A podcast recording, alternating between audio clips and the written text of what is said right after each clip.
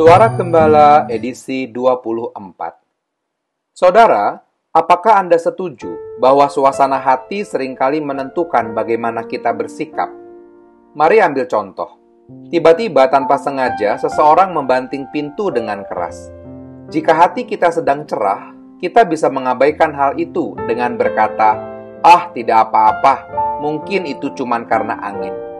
Namun, pada hari lainnya, ketika kita dalam suasana hati yang sedang muram, sekali lagi pintu terbanting dengan tidak sengaja, maka kita akan berteriak marah.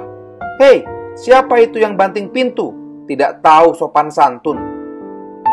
Sekarang, mari kita lihat apa yang berubah sebenarnya. Pintu yang terbanting tetap sama. Yang berubah adalah sikap kita yang dipengaruhi oleh suasana hati.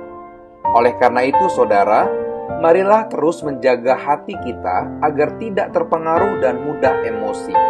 Tetaplah dipenuhi dengan damai sejahtera dan sukacita Allah, sehingga kita dapat bersikap dengan lemah lembut terhadap segala situasi. Tuhan menolong kita. Amin. Allah